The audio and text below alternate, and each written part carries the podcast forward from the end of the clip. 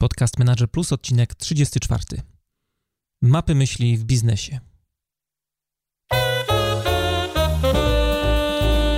Dzień dobry, dzień dobry, witam Was w 34. odcinku mojego podcastu Manager Plus. Przy mikrofonie Mariusz Hrabko, a to jest audycja o tym, jak zwinnie zarządzać sobą i biznesem. Jeżeli chcecie, żeby coś zmieniło się w Waszym życiu i czujecie potrzebę ciągłego szlifowania swoich umiejętności, zapraszam do słuchania moich audycji.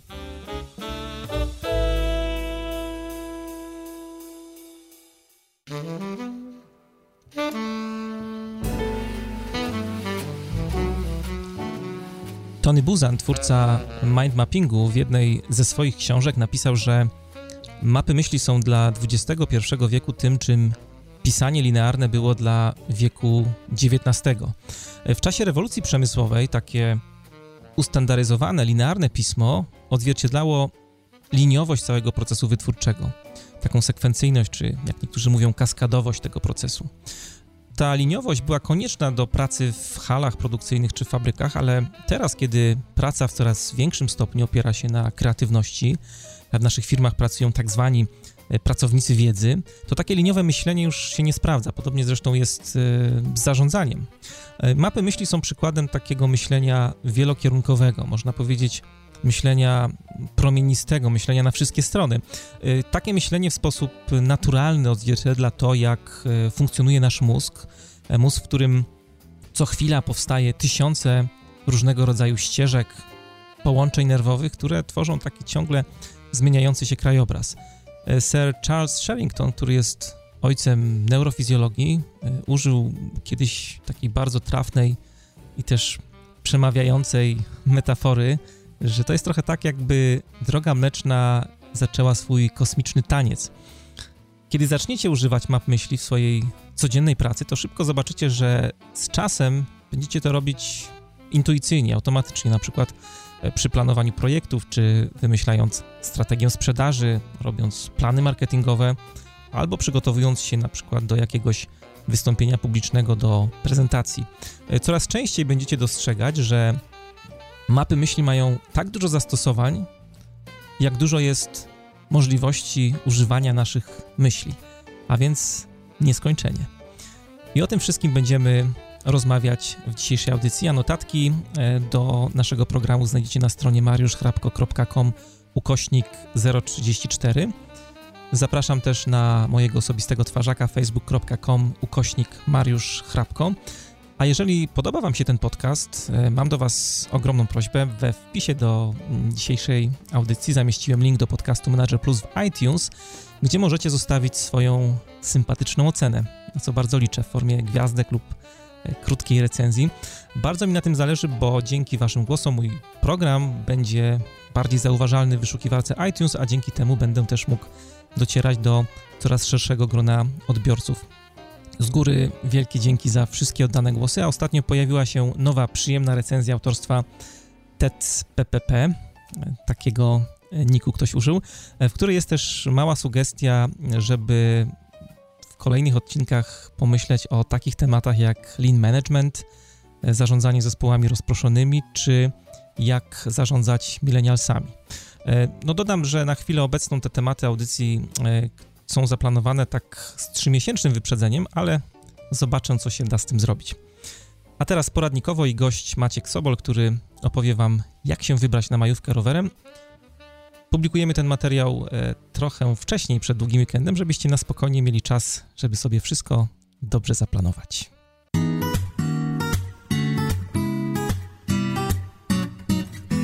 Poradnikowo. Dzień dobry, ja nazywam się Maciej Sobol i prowadzę bloga narower.com oraz podcast Koło Roweru, a w tym poradnikowie podpowiem Ci, jak pojechać na majówkę. Jeden lubi jak mu buty śmierdzą, a drugi jak mu skrzypce grają. Dlatego nie ma idealnego miejsca na rower, które spodoba się każdemu. Jeśli chcesz iść na łatwiznę, to udaj się po prostu na szlak Green Velo. Jest to szlak prowadzący od Elbląga po wschodniej ścianie Polski aż do Przemyśla. Po drodze znajdziesz wiele urokliwych miejsc, chociaż tak naprawdę znajdziesz je wszędzie. Tylko trzeba wiedzieć jak i gdzie szukać. Gdy wymyślisz rejon, do którego chcesz pojechać, koniecznie zaopatrz się w mapę turystyczną, najlepiej taką papierową.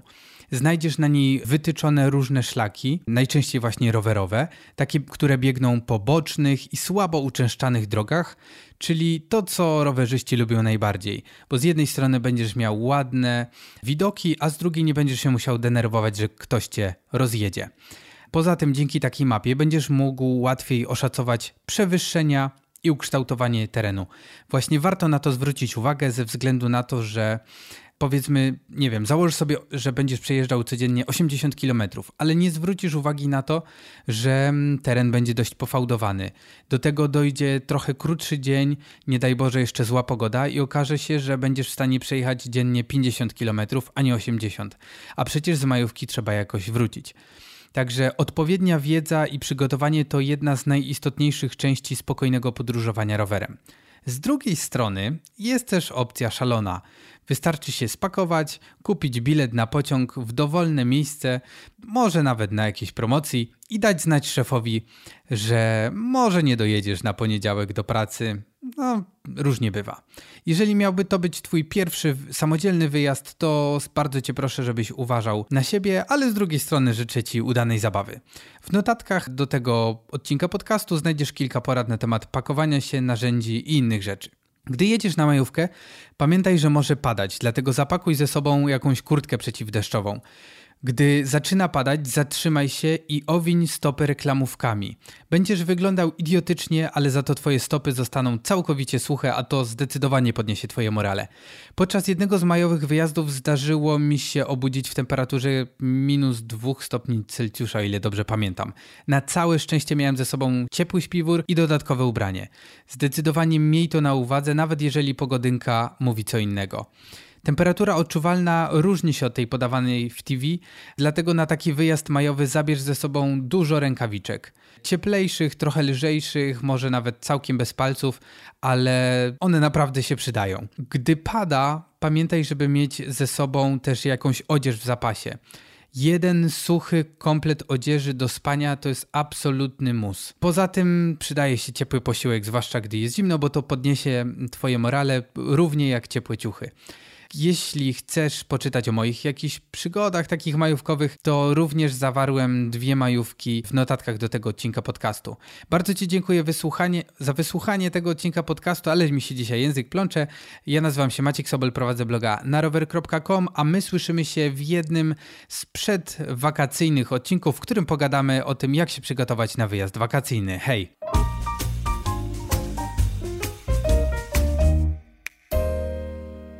Rozmowa. To jest podcast Manager Plus. Dzisiaj w audycji będziemy rozmawiali o e, mapach myśli, o mind mappingu. Narzędziu, które mam wrażenie jest ciągle niedoceniane w biznesie, w zarządzaniu projektami, ale także w życiu takim codziennym, osobistym. I z tej okazji do programu zaprosiłem dzisiaj Kaśkę Żbikowską, autorkę książek Mapy myśli w biznesie oraz komunikacja biznesowa oczami kierownika projektu, blogerkę na projectmanager.pl, która na co dzień zarządza projektami, a w życiu pozaetatowym, poza pracą, jak sama o sobie mówi, projektuje przyszłość. Witam Cię, Kaśka, bardzo serdecznie. Cześć Mariusz, witam wszystkich słuchaczy. Zdaje się, że nie wspomniałem jeszcze, że jesteś autorką projektu Kreatorka Jutra. Zgadza się.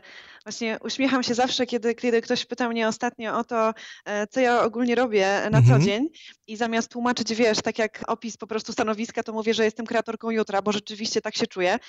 Wiesz co, projekt, o którym mówisz, mm, powstał w mojej głowie mniej więcej pół roku, półtora roku temu, kiedy na przełomie poprzedniego roku pomyślałam sobie, że chcę po prostu zrobić najlepszy e, rok mojego życia. I pomyślałam, że zaprojektuję go tak, jak robię projekty na co dzień. Mhm. E, a w związku z tym, że mam, wiesz, bloga, e, jak wspomniałeś, dla osób zainteresowanych w ogóle myśleniem projektowym i robieniem projektów z sensem, tak z wyobraźnią, no to zapytałam czytelników, czy chcieliby robić to ze mną.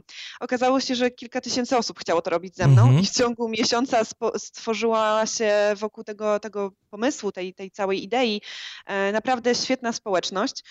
W związku z tym, że um, kierowałam swój przekaz przede wszystkim do kreatorek, czyli do kobiet, no to, to ta społeczność przede wszystkim składa się z kobiet, chociaż jest wśród nas sporo panów i, um, i, też, i też czerpią garściami.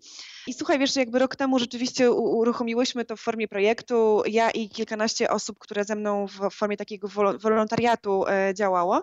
No i po prostu zarządziłyśmy, wiesz, zmianę na świecie. Dzieje się do dzisiaj i się cały czas rozwija. A co tam robicie? Na czym to polega? Na czym polega projektowanie tego roku? Wiesz co, ten projekt, który wystartował jako właśnie zaprojektowanie naj, naj, najlepszego roku życia, to rzeczywiście jakby mm, było projektowanie konkretnych 12 miesięcy, które są przed nami, wiesz, tak mhm. właśnie z takim myśleniem projektowym, zrobienie planu, e, sprawdzenie jakie mamy zasoby, co wiesz na pokładzie jest, a czego nam brakuje, żeby rzeczywiście zrealizować nasze cele.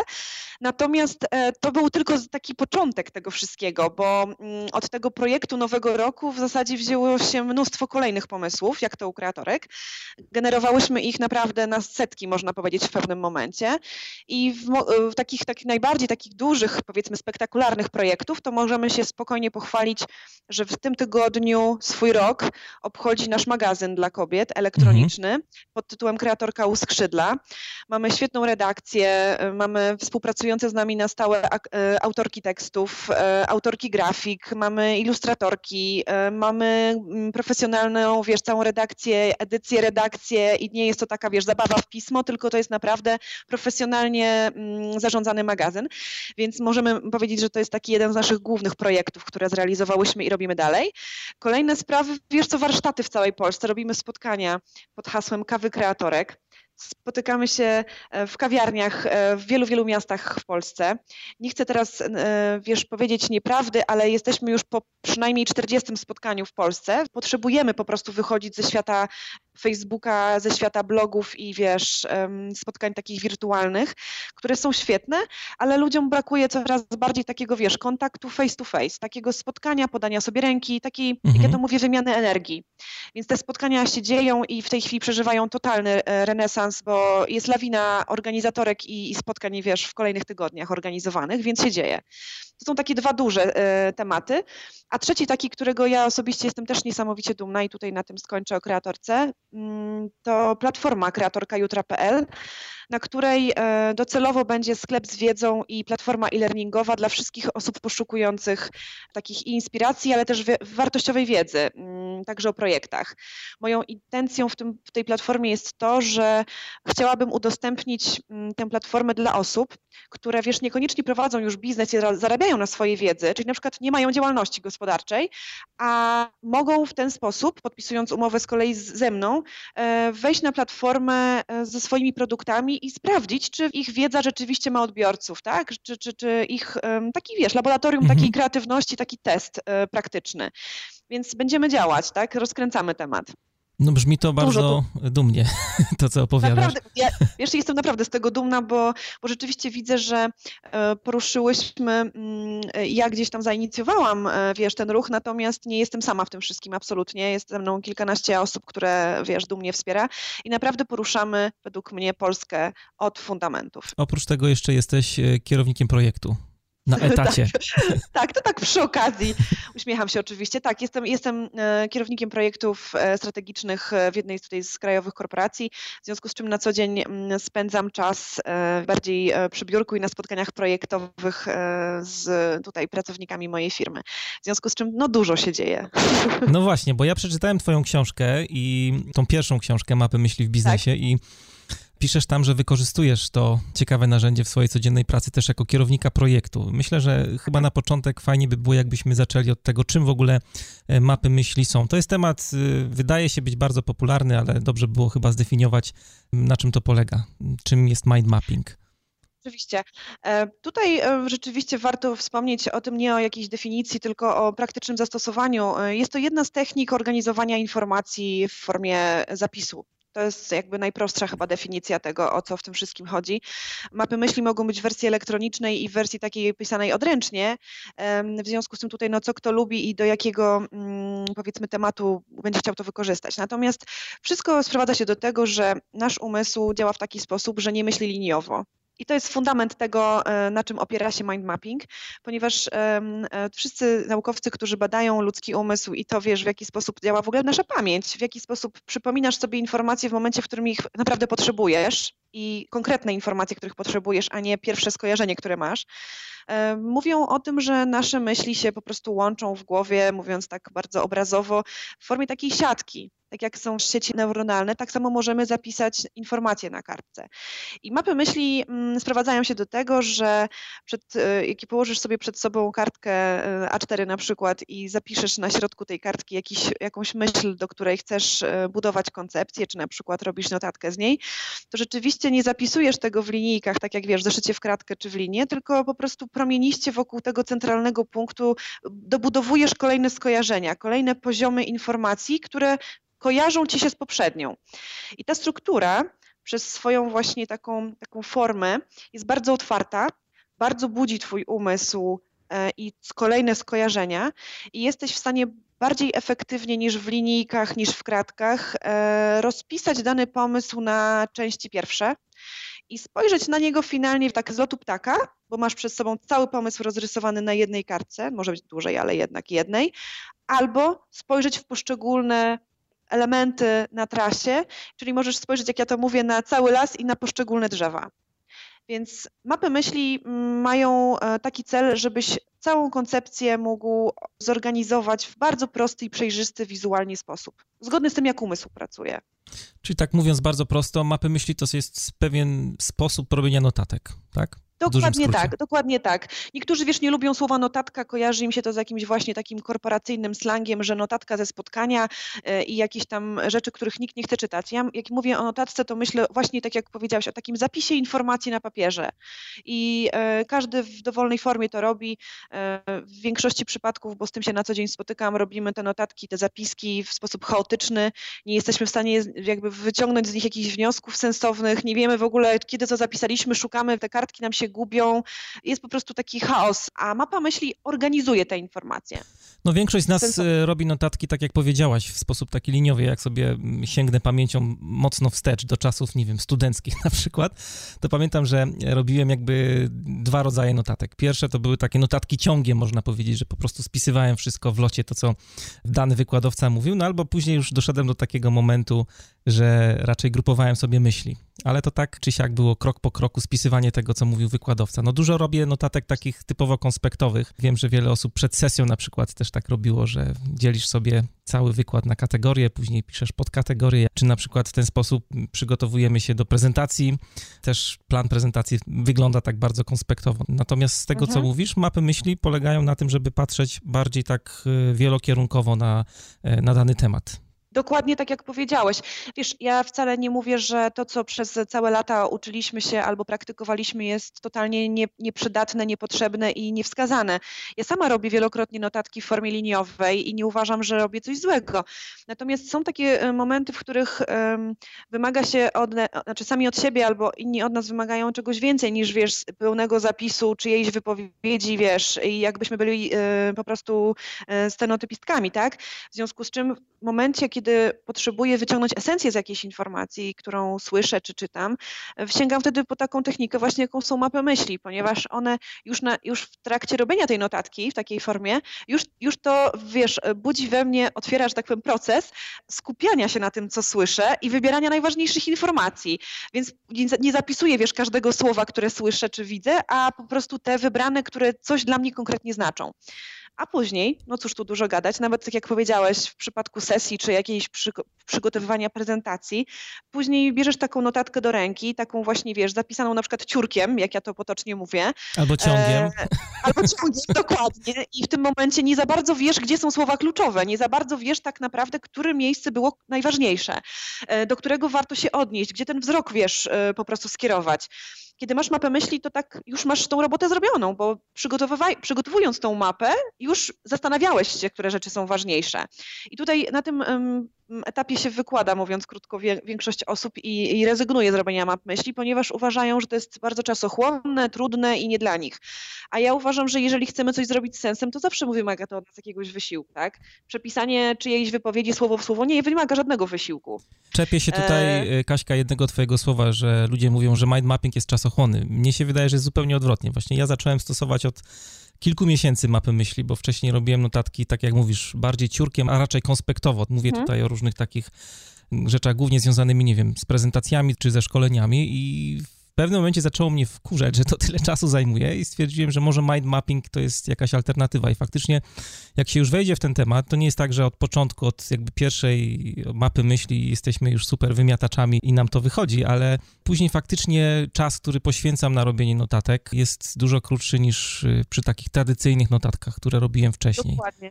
Dokładnie tak. Jest dokładnie tak, jak mówisz. W momencie, kiedy y, wiesz, y, osoba chce być efektywna, tym, co robi i szuka sposobów na e, nie przyspieszenie pracy, tylko usprawnienie jej, e, czyli nie tylko i wyłącznie po to, żeby coś zrobić szybciej, tylko żeby mieć tego, żeby to miało większy sens, taki większy, mm, żeby ta, ta w ogóle twoja inwestycja czasowa nie była stratą czasu, a inwestycją właśnie w przyszłe jakieś działania, no to e, jest w stanie złamać pewien schemat, wejść w ten map, mind mapping i rzeczywiście wycisnąć go jak cytrynę.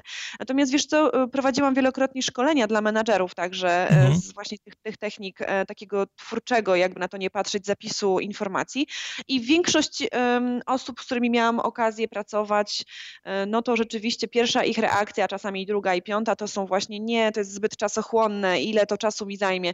Więc mm, rozróżniam takie trochę dwa typy osób. Te, które rzeczywiście chcą robić robotę, ale niekoniecznie usprawniać ją i dla nich to będzie, mm, wiesz, jak to z każdą nową umiejętnością, no musisz się trochę przetestować, pobawić i nauczyć. A druga grupa osób to jest te, o których mówisz, czyli tak jak ty, czy tak jak ja. Kiedyś poszukiwałam e, sposobu na to, w jaki sposób właśnie zrobić coś bardziej optymalnie.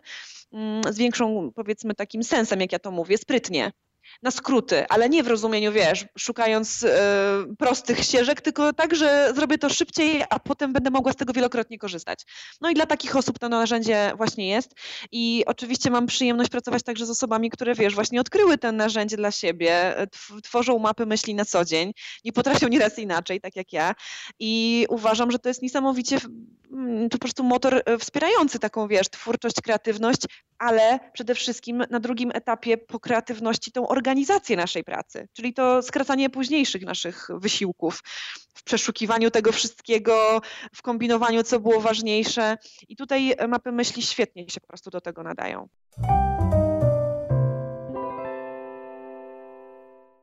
Przeczytałem też w Twojej książce, że e, mapy myśli też w sposób naturalny e, oddają sposób pracy naszego mózgu. Tak, to, to nie jest oczywiście moja, e, mój wynik jakichś wieloletnich badań uniwersyteckich, to naprawdę e, potwierdzone naukowo są wnioski badaczy w ogóle procesu zapamiętywania i przetwarzania informacji w mózgu. No tak jesteśmy skonstruowani i co do tego już pewność naukowcy mają, że rzeczywiście człowiek przez całe życie się uczy i im więcej się uczysz, tym więcej wiesz. W takim sensie, że masz już pewną siatkę wiedzy zbudowaną i łatwiej do niej dokleić, że tak powiem, wiesz, nową informację, niż um, szukać zupełnie tworząc nowe powiązania. Dla przykładu, jakbyś dzisiaj poszedł, zakładam, że nie znasz japońskiego. Idziesz dzisiaj na um, kurs japońskiego, pierwsza lekcja. Nie, nie czujesz w ogóle, o czym do ciebie mówią i w ogóle dosłownie w jakim języku. Mhm. E, wychodzisz z tego spotkania po godzinie i bardzo mało pamiętasz bo po prostu nie masz jeszcze zbudowanej tej takiej bazowej siatki swojej wiedzy w tym temacie, nie masz tych powiązań, wiesz, z aktualną twoją wiedzą. Natomiast już przy trzeciej czy piątej lekcji z tego języka jesteś w stanie coś do czegoś przyczepić, mówiąc krótko, tak? Tak jakby wizualizując to, to przyczepianie nowych informacji do aktualnych. Natomiast gdybyś dzisiaj poszedł na, wiesz, kolejny zajęcia języka angielskiego, to już masz więcej tych baz, do których możesz przyczepić kolejne słowa, czy bo zakładam, że zupełnie inaczej w przypadku tego języka twoja siatka aktualnej wiedzy wygląda. I tak właśnie działają mapy myśli, które e, przyczepiają kolejne informacje do tych, które już mamy, tworząc to konkretne powiązanie i dzięki czemu możemy łatwiej wrócić do sedna.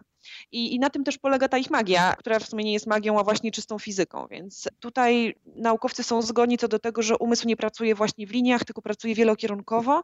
I jak ja powiem jakieś skojarzenie, to tobie mm, pierwsze twoje skojarzenie, nie wiem, na słowo pies będzie pewnie inne niż moje.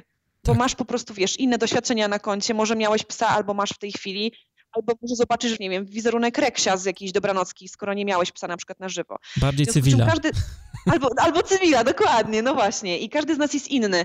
Dlatego te siatki wiedzy, których, które już mamy, mamy zupełnie inne.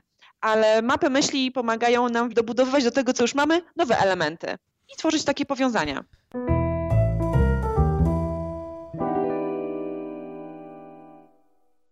Dużo mówimy o mapach myśli. Jak e, Jasne. taka typowa mapa myśli wygląda? Wiesz co, mapa myśli wygląda jak taki pająk, który ma w centrum kartki czy tam strony ekranu, masz właśnie centralną myśl, wokół której roz, rozpostarte są różne gałęzie i podgałęzie z zapisanymi informacjami, więc moi kursanci mówią najczęściej, że to są kształt pająka, kształt gwiazdy, drzewa, liścia, generalnie organiczne kształty. No pająk to jest słabe chyba porównanie, bo dużo osób nie lubi pająków, z tego co wiem, przynajmniej No to w moim drzewa, otoczeniu. jasne. Drzewo Jasne, albo to- jakaś... Albo jakaś ośmiornica na przykład, O, bo to też taki, wiesz, rozpostarte ma ramiona na wszystkie strony. W centrum jest jakiś temat, tak? Przewodni. Tak. Mhm. W centrum mapy myśli znajduje się na przykład pytanie, które ma otworzyć ci, wiesz, umysł i na które poszukujesz odpowiedzi. Jeżeli na przykład e, projektujesz nowe jakieś rozwiązanie i masz konkretne wyzwanie do pokonania w najnowszym projekcie, no to pierwszą taką burzę mózgów możesz zrobić właśnie zadając sobie konkretne pytanie i zapisując je na środku.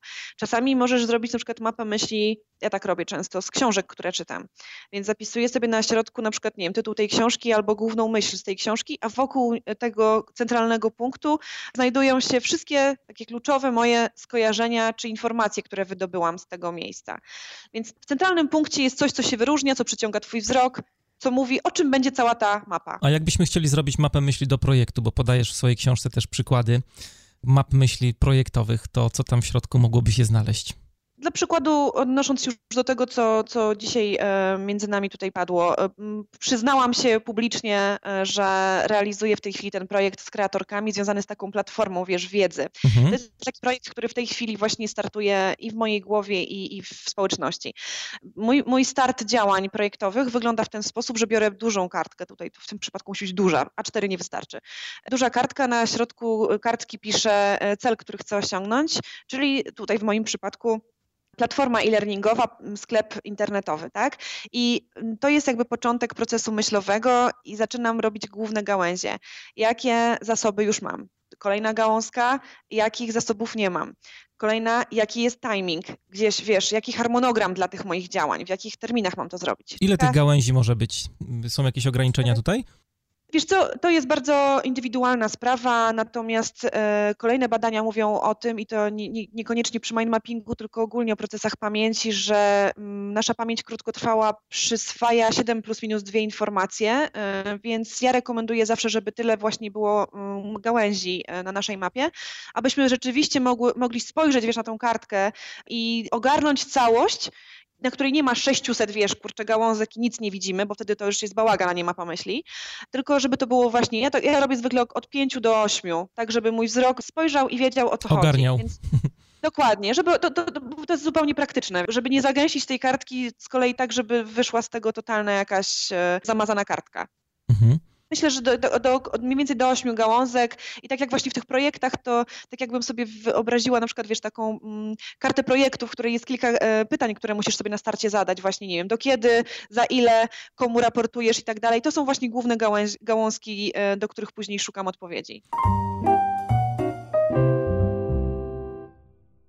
Wspominałeś wcześniej o menedżerach. Takie pytanie, które mi się nasunęło teraz, to czy e, menedżerowie też tak e, nie marszczą brwi, jak słuchają o tym pomyśle mind mappingu właśnie, nie wiem, karta projektu i mapa myśli, e, jakieś rysunki, grafiki, macki, drzewo. Tak, wiesz co, to jest e, główna tak naprawdę mm, e, główna reakcja, po, powtarzająca się za każdym razem, kiedy pracuję z menadżerami. Menadżer, menadżerowi nierówny, nie odkrycie Ameryki. Natomiast jeżeli ktoś chce się rozwijać i chce usprawniać swoją pracę, chce zrobić przede wszystkim projekt, a nie tylko udawać, że go robi, to będzie szukał sposobów, a nie problemów. W związku z czym mapy myśli są jednym ze sposobów e, działania na właśnie zorganizowanie pomysłów czy koncepcji. Menadżerowie zwykle patrzą na mnie, jak ja to nazywam, jak na kosmitkę, kiedy wchodzę na spotkanie z kolorowymi flamastrami, dużą kartką. I kto komuś się wydaje chyba, że ja przychodzę i sobie robię jaja. Natomiast kiedy widzą efekt mojej pracy albo wysyłam komuś notatkę w takiej formie, to mm, parokrotnie już miałam taką sytuację w zespołach projektowych moich, gdzie nie zmuszałam nikogo do robienia notatek w tej formie, ale robiłam je w dwóch formach, wiesz, takiej właśnie e, pisanej w Wordzie, e, wysyłanej, takiej klasycznej, plus takiej mapa, mapa myśli. I po, miałam takich, już takie dwa, dwie takie sytuacje, dwa zespoły projektowe, które prowadziłam, które po dwóch, trzech statusach powiedziały, to już nie wysyłaj tego Worda. Wiesz, to jakby tylko i wyłącznie według mnie przez działanie, przez pokazanie komuś o co chodzi, możesz przekonać do jakiejkolwiek nowej idei, zwłaszcza rewolucyjnej i z kolorowymi flamastrami na spotkaniach. A przy wysyłaniu notatek takich graficznych w pracy, bo zakładam, że stosujesz, tak jak mówisz, te tak. notatki w pracy, właśnie mapy myśli, używasz pewnie jakiegoś programu elektronicznego, tak? Czy, czy robisz zdjęcie takiej notatki? E, wiesz co, jeżeli mamy spotkanie robocze i rzeczywiście rysuję sobie mapę w notesie mm, czy na dużej kartce, to mm, jeżeli kilka osób uczestniczy w tworzeniu takiej mapy, bo na przykład widzi, co robię i co zapisuję, czyli ten proces myślowy i zapisu tych myśli jakby, wiesz, śledzi, to wtedy wysyłam komuś, e, kto właśnie w takim procesie uczestniczył zdjęcie, bo e, ta osoba jest w stanie się utożsamić z tym rysunkiem, bo była w trakcie tworzenia. Jak szły te myśli w trakcie naszej rozmowy. Natomiast rzeczywiście biznesowo bardziej, bardziej rekomenduję używanie map myśli w wersji elektronicznej, elektronicznej. Jest kilka programów, e, w ogóle kilkaset programów, które tworzą takie kształty mm, w takiej bardziej powiedzmy mm, elektronicznej formie, natomiast moim ulubionym jest e, program, który e, jest rekomendowany przez Tonego Buzana, nazywanego ojcem mindmappingu.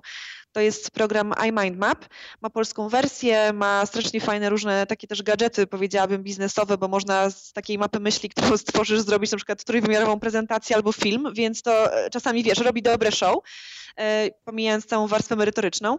Natomiast są też takie programy, które robią mapy myśli w formie takiej, wiesz, checklisty, czyli taka bardziej powiedzmy forma, która jest przy, taką łatwą do przegryzienia dla kogoś, kto nie jest bardzo twórczy i kreatywny, nie pozwala sobie na to na co dzień. Więc wtedy masz takie checklisty roz, rozpostarte na dużym drzewie, więc wiesz, to takie jest e, No taki też, najbardziej też znany, wielu. o tym co mówisz, najbardziej znany to jest chyba X-Mind z takich programów. Dokładnie, jest X-Mind, jest Mind Manager, e, jest, jest kilka takich programów, e, parę razy właśnie wymieniałam je też na blogu, bo właśnie widzisz, z, tymi programami to jest tak samo jak z programami do robienia projektów, czy projektami na przykład do organizowania zadań, czy innymi aplikacjami do różnych celów, nie wiem, dla biegaczy, czy dla osób, które, nie wiem, powiedzmy śledzą swoje postępy w diecie. To trzeba po prostu poczuć, tak? Mhm. Wiesz, um, Opcji jest naprawdę wiele, producenci się prześcigają w możliwościach. E, jest kilka programów, e, które nawet potrafią, Mind Manager jest takim programem, który z takiej zrobionej mapy myśli w formie elektronicznej potrafi jednym kliknięciem zamienić ją na wykres Ganta dla zarządzających projektami. To też jest świetne rozwiązanie. Potrafi też zrobić po prostu kolejnym kliknięciem zamienić ją na prezentację w PowerPoincie, wiesz, w podpunktach, taką klasyczną checklistę. Więc co kto lubi? Tak? Ja lubię iMindMap tego Buzana, bo on jest taki najbardziej kolorowy i twórczy, ale z kolei to też biznesowo nie każdy kupuje. Mhm. Więc to trzeba sobie potestować, co jest, co jest dla kogo najważniejsze. A z takich dodatkowych e, sprzętów, gdybyśmy na przykład nie chcieli używać narzędzi elektronicznych, wspomniałaś, że masz jakieś e, magiczne pisaki, z którymi przychodzisz na salę. Masz tu jakieś tipy dobre, czego używać? Kredek, to, y, pisaków, będę, flamastrów? Do, dobre pytanie, dobre pytanie. Nie będę tutaj robiła, mm, wiesz, jakiemuś producentowi reklamy, bo, bo flamastrów na rynku i innych mazaków jest mnóstwo. E, to też jest bardzo indywidualna sprawa. Ja najczęściej robię długopisem e, mapy czarnym, E, a do, do, potem dorysowuję do nich e, konkretne jakieś informacje zwykłymi flamastrami, które się nie rozmazują. To jest dla mnie kluczowa, wiesz, zasada, bo jednak w twórczej pracy to czasami e, wystarczy machnąć ręką za mocno i coś się rozmazuje, w związku z czym potrzebuję długopisu, kartki i kolorowych flamastrów, które w takiej postprodukcji mi naj, najczęściej służą żeby uzupełnić to wszystko. Więc kredek nie używam, kredki, kredki są bardziej do zabawy i do robienia map myśli z młodszą kategorią wiekową uczestników, na przykład z dzieciakami, które są niesamowicie twórcze i łapią w lot. Dla nich mapy myśli to jest coś naturalnego. W ogóle nie trzeba dzieciom tłumaczyć w ogóle o co w tym wszystkim chodzi. E, to dorośli mają z tym problem największy. No tak, ale wiesz, bo jesteśmy w trakcie, w trakcie jakby całego procesu, nie wiem, edukacji, później oduczani pewnych rzeczy, które mamy jako dzieci tak. z definicji, nie? Tak. Coś, co jest naturalne, przestaje być naturalne, bo uczyli nas w szkole cały czas takiego liniowego podchodzenia do, do myślenia, no tak. do pisania, do robienia notatek na przykład. Dokładnie, ale wiesz Mariusz, no, napisałeś książkę, też napisałam. To nie jest tak, że ja nie, nie umiem pisać w linijkach jedno pod drugim. Dla mnie to jest też naturalny sposób wyrażania swoich myśli w formie pisemnej. Jakby nie mam z tym zupełnie problemu. Natomiast e, co innego jest napisać książkę albo wiesz, wysłać komuś wiadomość e, albo podsumowanie e, ustaleń w formie właśnie kilku zdań. I oczywiście, że to robię na co dzień. To jest naturalne, mój, mój też wiesz, środek wyrazu. Natomiast jeśli mówimy o budowaniu koncepcji i organizowaniu informacji, to nie mam lepszego sposobu niż mapę myśli. Nie jestem w stanie w Wordzie, wiesz, zorganizować swoich myśli tak dobrze jak na kartce z flamastrem. Po prostu. I dlatego zachęcam tu osoby, które są pracownikami umysłowymi, pracownikami koncepcyjnymi. Wiesz, coraz więcej osób, z którymi na co dzień się spotykam, to nie są pracownicy przysłowiowej przy taśmie, e, tylko to są osoby, które mają obowiązki takie od swoich pracodawców, od samych siebie jako swoich szefów, żeby generować nowe rozwiązania, tak? Żeby tworzyć nowe koncepcje. I w takim przypadku um, ograniczanie się do takich klasycznych metod, jak wiesz, kartka w kratkę albo otwarcie edytora tekstu, to jest troszeczkę mm, zawężanie sobie pola manewru. I tutaj zachęcam do właśnie powrotu do dzieciństwa i do tego, żebyśmy wzięli te flamastry, bo one budzą, one coś budzą w nas. I to jest naprawdę magia, kiedy się to zaczyna dziać. Tak, ale właśnie to, o czym mówiłaś na początku, o tym takim e, myśleniu wielokierunkowym, którego nam bardzo brakuje też nie tylko w robieniu notatek. Ja obserwuję na przykład w firmach, na co dzień e, pracuję z menadżerami, którzy chcą wdrażać różne zmiany w swoich organizacjach i też jest takie podejście przyczyna-skutek. O tym bardzo dużo pisał w piątej dyscyplinie Peter Zenge. W ogóle całe myślenie systemowe opiera się na tym, że e, trzeba patrzeć właśnie wielokierunkowo, że to nie jest tak, że wdrożymy sobie skrama w firmie i nie zmienimy jakby organizacji. Te narzędzia zaczynają pociągać za różne sznurki w całej firmie, w związku z tym robi się z tego potężny system i patrzenie takie holistyczne właśnie na, na problemy, na koncepcje, na rozwiązania ma dużo większą wartość niż takie myślenie liniowe, przyczyna, skutek, czy skutek, Dokładnie przyczyna. tak. Nie pozostaje mi nic więcej, tylko się z tobą zgodzić, bo mm, nie ma tutaj, e, nie mam w ogóle nic, wiesz, jakby do uzupełnienia mówimy o patrzeniu na biznes, na projekty, na każde nowe, czesne jakieś przedsięwzięcia, one zmieniają po prostu coś w świecie, tak? I każda zmiana powoduje kolejną zmianę. Jeśli nie spojrzymy na to, ja to mówię, z lotu ptaka, jeśli nie spojrzymy całościowo na ten, na ten nasz e, gąszcz powiązań i zależności, no to po prostu coś nam umknie. Oczywiście wiesz, żadne, żadne narzędzie, mapa myśli także nie zmieni, jakby nie zrobi za nas roboty. My jesteśmy twórcami takiego zapisu informacji i my z niego mamy korzystać i tak jak z każdym innym narzędziem, to od nas zależy, co z tego wyciągniemy. Natomiast e, taki zapis liniowy na etapie budowania koncepcji i szukania na przykład ryzyk, identyfikowania jakichś wiesz, możliwych szans e, w naszych działaniach, e, nie wyobrażam sobie innego sposobu w tej chwili, jak po prostu zrobienie takiej naprawdę twórczej burzy mózgów, która zaowocuje różnymi powiązaniami z różnych dziedzin, a nie tylko właśnie patrzenie, że proces X czy proces Y zaczyna się w tym tym punkcie kończy w tamtym i wiesz, analizować w ten sposób. Więc zwykle, zwykle na starcie um, zawsze mówię, że w zarządzaniu projektami mapy myśli sprawdzają się w dwóch pierwszych etapach, czyli w takim inicjowaniu projektów i w planowaniu projektów, kiedy te koncepcje e, musimy zorganizować w jakiś sensowny sposób. I rzeczywiście wtedy mapy myśli zdają niesamowicie e, tutaj e, swój, swój egzamin, bo pomagają spojrzeć na każdy z tych tematów e, w poszczególnych kategoriach i, e, i wiesz, tak jakby uspokoić nas, że aha, panuje nad całością, dobra, idziemy dalej.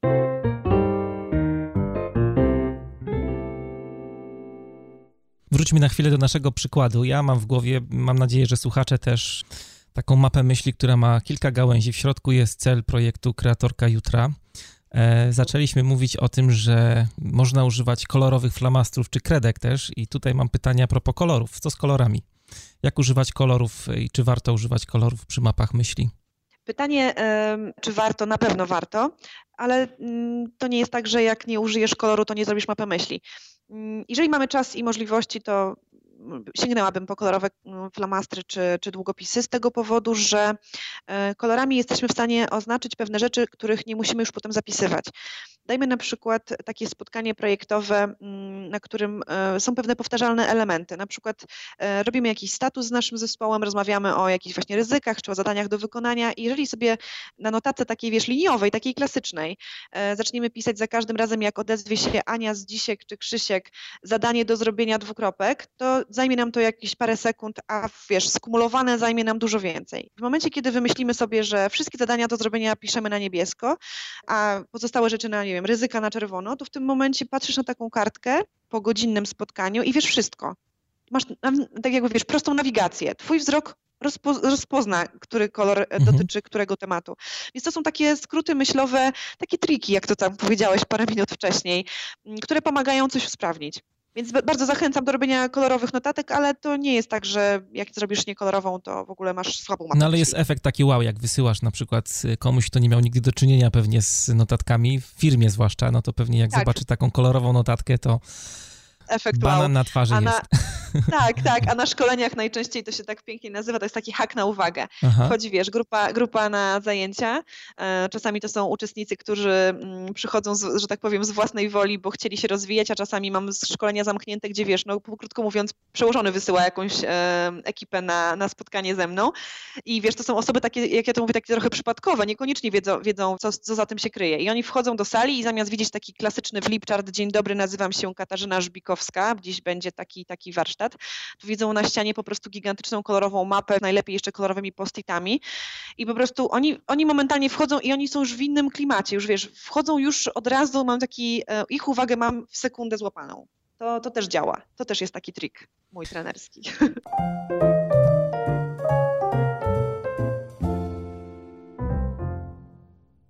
Chciałem zapytać jeszcze o y, rzeczy związane z tworzeniem tych gałęzi, bo powiedzieliśmy, hmm? że rysujemy sobie tych gałęzi, tak jak mówiłaś, 5 do 8, żeby można było łatwo ogarnąć wzrokiem całą kartkę. Jak opisywać te gałęzie? Widzisz, e, Buzan, czyli tutaj wspomniany e, twórca tej koncepcji, mm, mówi o tym, żeby używać tylko i wyłącznie słów kluczowych, żeby nie pisać pełnych zdań, żeby używać jak najmniejszej ilości słów, które są takimi właśnie kluczami otwierającymi kolejne drzwi. Zgadzam się z nim, że słowa kluczowe budzą kolejne skojarzenia, bo jak na przykład powiem Ci kreatorka, to Ty masz już momentalnie kilka jakichś skojarzeń z tym słowem, czy z tym zjawiskiem, czy Kaśka projektem. na przykład. Kaśka na przykład, dokładnie, a jakbym ci powiedziała, jakby zapisała na mapie myśli takie hasło, nie kreatorka, a na przykład właśnie Kaśka Żbikowska, kreatorka jutra, to w tym momencie kojarzyć, to jakby trochę zamykam ci te pierwsze skojarzenia, które możesz, wiesz, wypuścić do tego pomysłu, bo już tak naprawdę główne skojarzenia zawarłam w tym, w tym tekście. I dlatego Buzan mówi, piszcie jak najkrócej, piszcie jak najbardziej mm, obrazowo, używajcie takich słów, e, takich triggerów, wyzwalaczy, mhm. I rzeczywiście to się sprawdza, kiedy nie masz czasu albo kiedy potrzebujesz zrobić coś sprawnie, szybko, to rzeczywiście słowa kluczowe zdają egzamin. Natomiast dla początkujących polecam jednak pójście w kierunku szerszych, dłuższych zdań czy dłuższych wypowiedzi z tego powodu, żeby się nie zniechęcić, bo czasami, wiesz, ludzie mają na początku taką blokadę, e, które słowo jest tak naprawdę najbardziej kluczowe a jak wpiszę nie takie? Wiesz, to jest takie myślowe nasze ograniczenie, że zrobię coś nie tak. Nie ma, że nie zrobię nie tak. Po prostu napiszę potem drugą gałązkę i będzie pozostałe rzeczy się gdzie indziej zmieszczą. Natomiast widzę po ludziach, którzy bu budzą dopiero tę umiejętność w sobie, że to są takie dla nich mm, takie mury nie do przebicia. Dlatego moja rada, zacząć od jak najczęstszego używania słów kluczowych, krótkich zwrotów, a potem w trakcie już praktykowania tej techniki i robienia kolejnej, dziesiątej, dwudziestej mapy, to samo przyjdzie. I już nie będziesz nawet chciał pisać pełnych zdań, bo, bo stwierdzi, że to strata właśnie czasu i energii. Z tymi pełnymi zdaniami to y, pomyślałem sobie o mapach myśli, o których wspominałaś wcześniej, że jak na przykład czytasz jakąś książkę, to robisz sobie notatkę z tej książki w formie mapy myśli. Akurat książka jest dobrym przykładem, bo są różne cytaty. Cytat też chyba można zapisać na takiej jednej gałęzi, nie? Pełnym tak, zdaniem, no chyba, że będziesz pisać stronę, tylko że wtedy to ci nic nie da takiej notatce. Oczywiście. Ty wiesz, to też jakby nie, nie popadam nigdy w żadne skrajności. Mapa myśli, tak jak już powiedziałam, to jest konkretne narzędzie, które mogę na różne sposoby wykorzystać. To, że są zasady, które mówią o tym, że naj, najsprawniej mapę się robi z, używając słów kluczy, to nie znaczy, że nie mogę tam nic więcej zawrzeć. Oczywiście cytaty, y, oczywiście moje rysunki albo inne jakieś, wiesz, y, dopowiedzi na boku sobie gdzieś zapisuję, tylko z mapą myśli wiąże się jedna y, kluczowa rzecz. Y, chodzi o to, żeby to, co dopiszesz, na przykład cytat, pełnym zdaniem gdzieś z, z, z, zawarty, żeby powiązać go z czymś, co już na tej mapie jest. I to jest ta główna idea. Czyli dopisujesz taki cytat i robisz jakąś strzałkę z czymś, co już na tej mapie wcześniej narysowałeś. I wtedy to twój mózg będzie wiedział, po co to wpisałeś.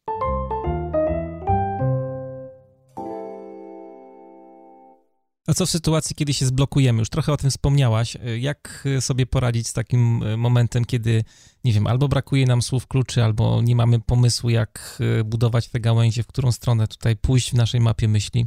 Wiesz co, e, prosta rada, odpuść. Mhm. Odpuść, daj sobie, daj sobie spokój, daj sobie czas, nie wszystko od razu.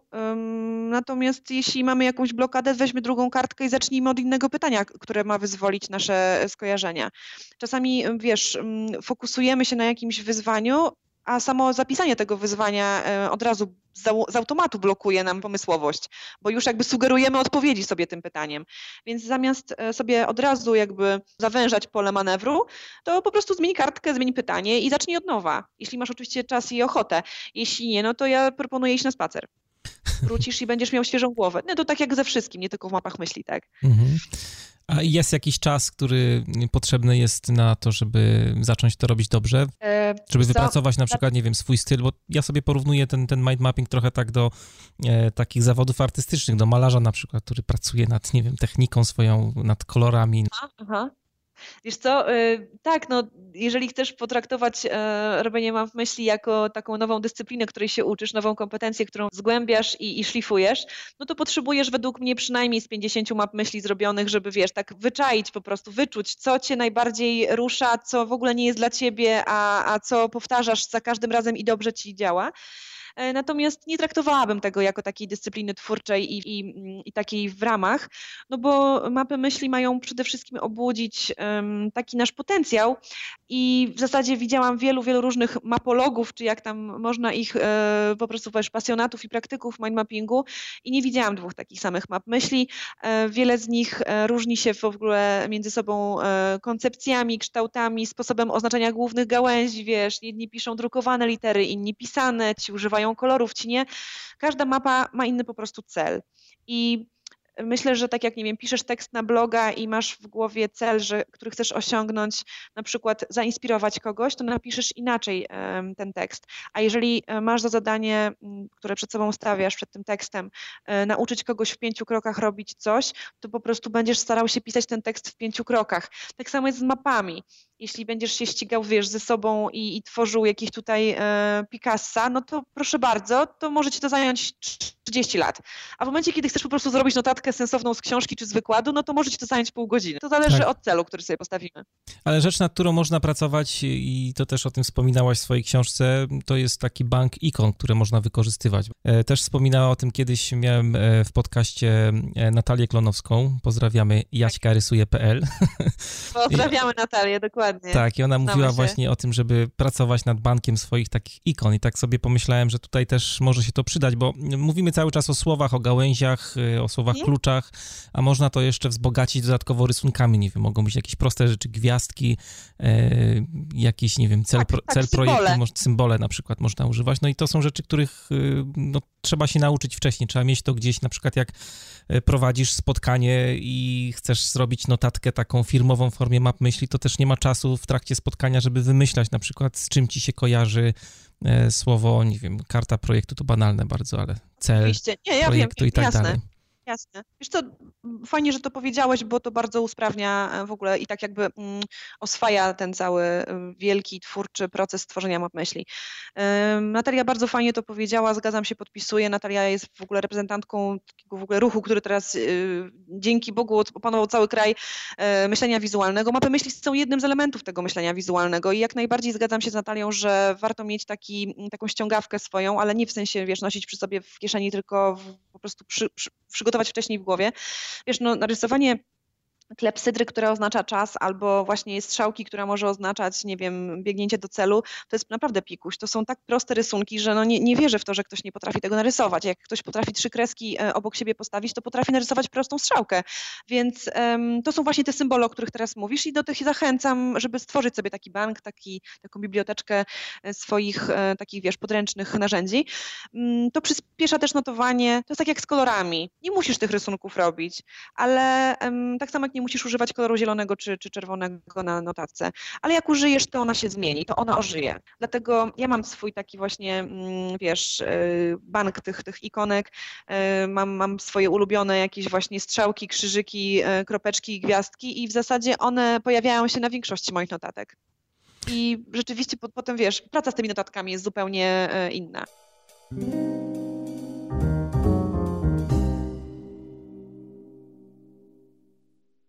Jakich y, błędów sugerowałabyś, że powinniśmy unikać przy tworzeniu map myśli? Na co zwrócić uwagę? Na pewno, tak jak powiedziałam, nie napinać się i jak coś nie idzie, to po prostu odpuścić, wróćmy do tego za jakiś czas, albo nie, bo mhm. naprawdę to nie jest też dla wszystkich jedyna słuszna droga.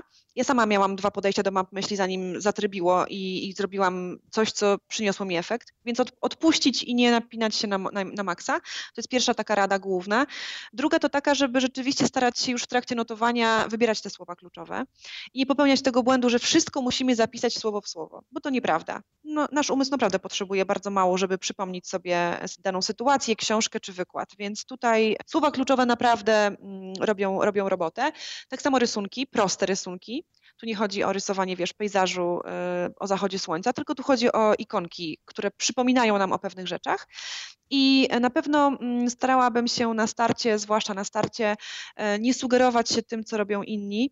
I możemy wygooglować naprawdę miliony map myśli. Są nawet takie wielkie biblioteki, jak na przykład Biggerplate. E, to jest taki portal, na którym ludzie z całego świata wrzucają swoje mapy myśli na różne tematy. To są mapy myśli odręczne, mapy myśli w programach e, komputerowych. Powiem Wam, że to jest po prostu coś niesamowitego, jak widzę, jak ludzie różnie patrzą na te same zjawiska. To jest niesamowita inspiracja. Pinterest, pisać mind mapping, można zwariować z radości wzrokowej.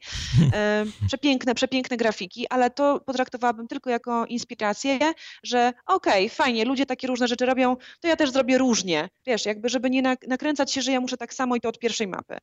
To takie moje rady na, na start i to tak naprawdę byś powiedział pewnie też komuś, kto się dzisiaj uczy jeździć na rowerze albo zaczyna naukę nowego języka. Nie napinaj się, patrz na innych i się inspiruj i, i po prostu rób po swojemu. To tak jak z każdym nowym tematem. To jest podcast Manager Plus. Dzisiaj moim i waszym gościem była Kaśka Żbikowska, autorka książek Mapy myśli w biznesie oraz komunikacja biznesowa oczami kierownika projektu, e, blogerka, autorka projektu Kreatorka Jutra. Bardzo dziękuję e, Kaśka za rozmowę. Dzięki Mariusz, było mi niesamowicie przyjemnie. E, pożegnamy się dzisiaj utworem Lines z najnowszego albumu takiego włoskiego pianisty jazzowego Paulo Pawana i Pasqualino Ubaldiniego. To jest e, pan, który jest gitarzystą związanym z muzyką świata i wyszła im bardzo przyjemna rzecz, trochę w stylu Pata Meteniego, ale ocencie sami. Ja się nazywam Mariusz Hrabko, trzymajcie się i do usłyszenia.